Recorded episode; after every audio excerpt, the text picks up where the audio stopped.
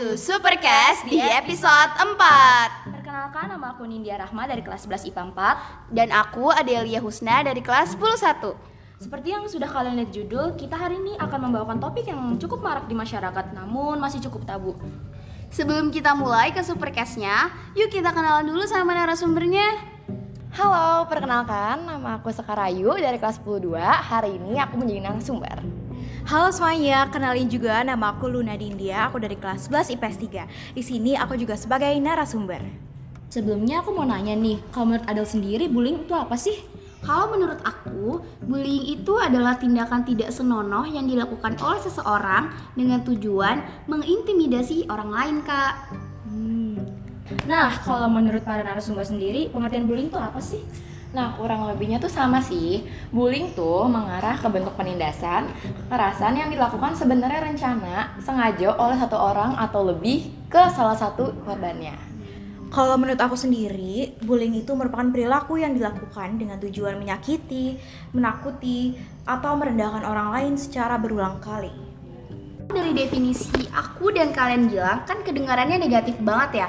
Tapi kira-kira apa sih yang menyebabkan seseorang itu melakukan bullying? Nah, sebenarnya penyebab bullying tuh banyak, bermacam-macam. Bisa dari pengaruh pergaulan yang nggak baik hingga kurangnya empati. Biasanya faktor pembulian itu awalnya karena ingin terlihat hebat, dia pengen terlihat menonjol atau populer. Nah, setuju banget nih sama Sekar. Kalau menurut aku juga, kalau misalnya ada orang yang memang punya trauma di masa lalunya, jadi muncullah tuh rasa balas dendam ke orang yang mungkin gak bersalah dan gak tahu apa-apa. Terkadang juga munculnya salah pola asuh di keluarganya juga menjadi salah satu nih faktornya. Wah, setuju banget sama opini-opini kalian. Beberapa kali juga aku denger orang-orang lakuin bullying karena alasan-alasan tersebut sih.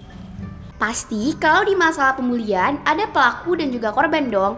Kenapa sih ada beberapa orang yang menjadi sasaran korban bully oleh para pelaku bullying? Kalau menurut aku, seseorang dapat dibully karena perbedaan mereka.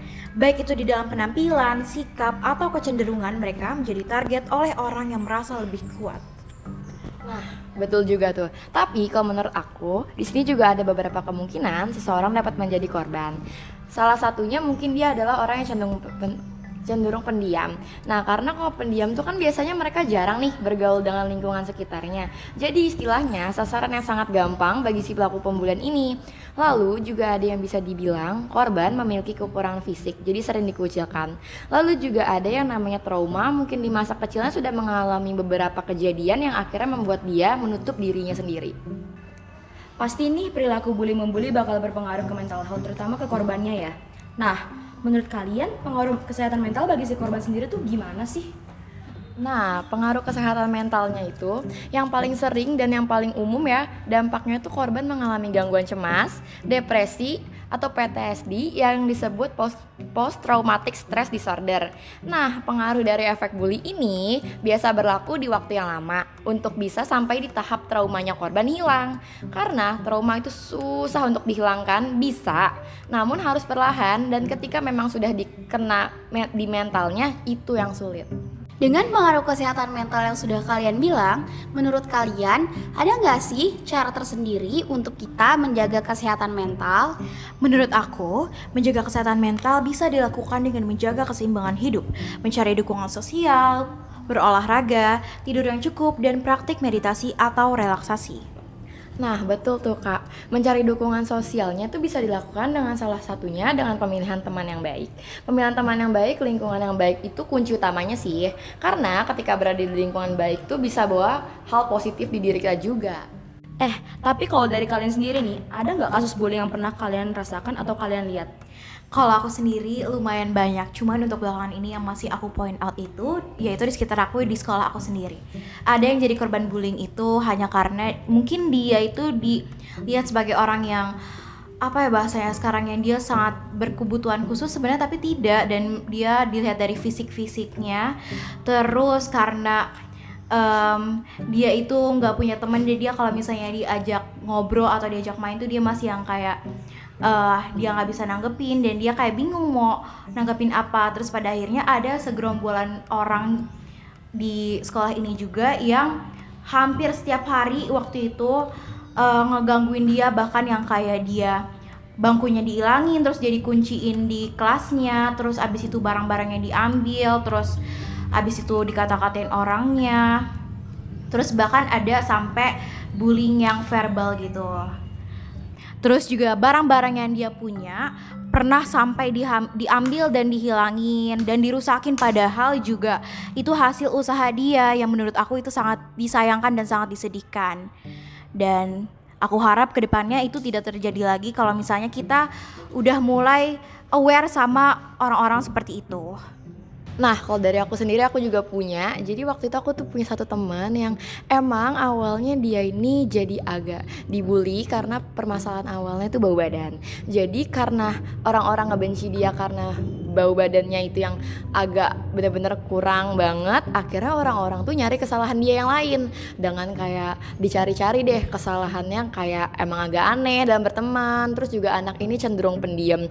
Lalu juga waktu itu udah sempat dibantu sama guru dan segala macam memang anaknya ini narik diri waktu itu juga dicari tahu faktor belakangnya apa segala macam dia juga tetap nggak mau ngomong akhirnya juga udah berusaha ditemenin udah berusaha dikasih penanganan eh, parfum dan segala macam anak ini emang bener-bener ya benar-benar narik dirinya jadi pada akhirnya eh, sampai lulus sekolah pun kasus ini tuh benar-benar ya masih nggak bisa ditanganin sama sekolah karena dari si anaknya ini juga nggak nggak mau menangani dirinya sendiri dan nggak mau berubah gitu Nah, selain itu ada lagi satu hal, satu kasus yang menurut aku ini salah di kedua sisi.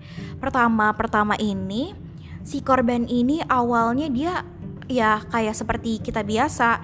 Terus ada orang yang berusaha mendekati dia yang kayak dia tuh kayak ya udah normal dia memakai pakaian biasa seperti kita namun ada satu orang ini yang berusaha untuk mendekati dia tapi mendekatinya bukan yang kayak dekat buat pacaran atau apa tapi ngedekatin itu yang kayak dia ingin melecehkan pertama si cowok ini dia itu yang me mempoint out mempoint outkan banget pakaian si cewek ini.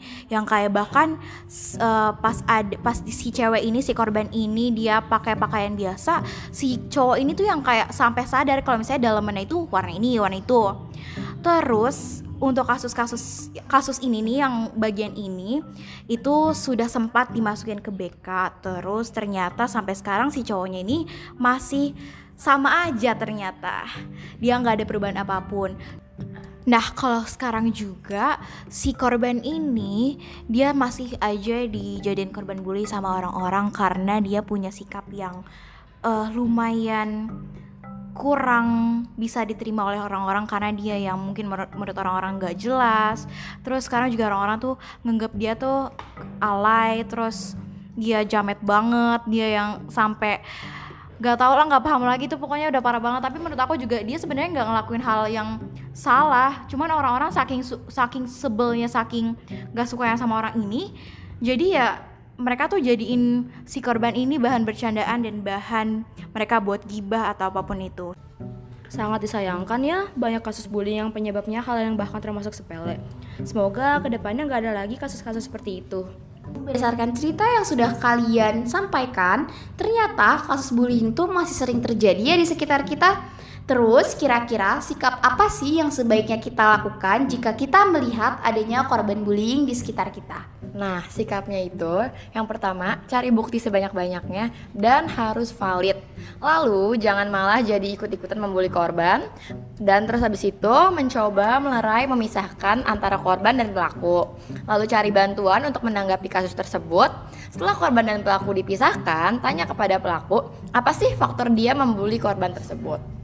Setuju banget nih sama Sekar. Kalau menurut aku juga saat melihat korban bullying, sikap yang baik kita lakukan yaitu pertama, memberikan dukungan secara langsung kepada korban dengan menunjukkan empati dan menyatakan bahwa mereka tidak sendirian. Hal ini bisa membantu korban merasa didengar dan didukung. Dan aku juga setuju dengan melaporkan kejadian bullying sangat penting agar tindakan lebih lanjut dapat diambil untuk melindungi korban dan mencegah kejadian serupa terjadi di masa depan. Ingat ya teman-teman, setiap tindakan kecil untuk membantu korban bullying dapat membuat perbedaan yang besar dalam kehidupan mereka. Udah sampai sini, kita dapat menyimpulkan bahwa bullying merupakan tindakan yang sangat-sangat salah besar karena dapat menyakiti orang lain secara berulang, dapat menimbulkan hal-hal yang sangat negatif. Korban juga bisa mengalami dampak psikologi serius. Sebagai saksi, tentunya kita punya peran penting, yaitu memberi dukungan dan melaporkan kejadian. Respons terhadap bullying butuh keberanian. Kita semua bertanggung jawab untuk menciptakan lingkungan yang aman bagi semua orang. Mari bersama-sama cegah dan atasi bullying. Tak terasa, kita sudah sampai di penghujung episode. Terima kasih sudah mendengarkan. See you on the next episode. Bye bye.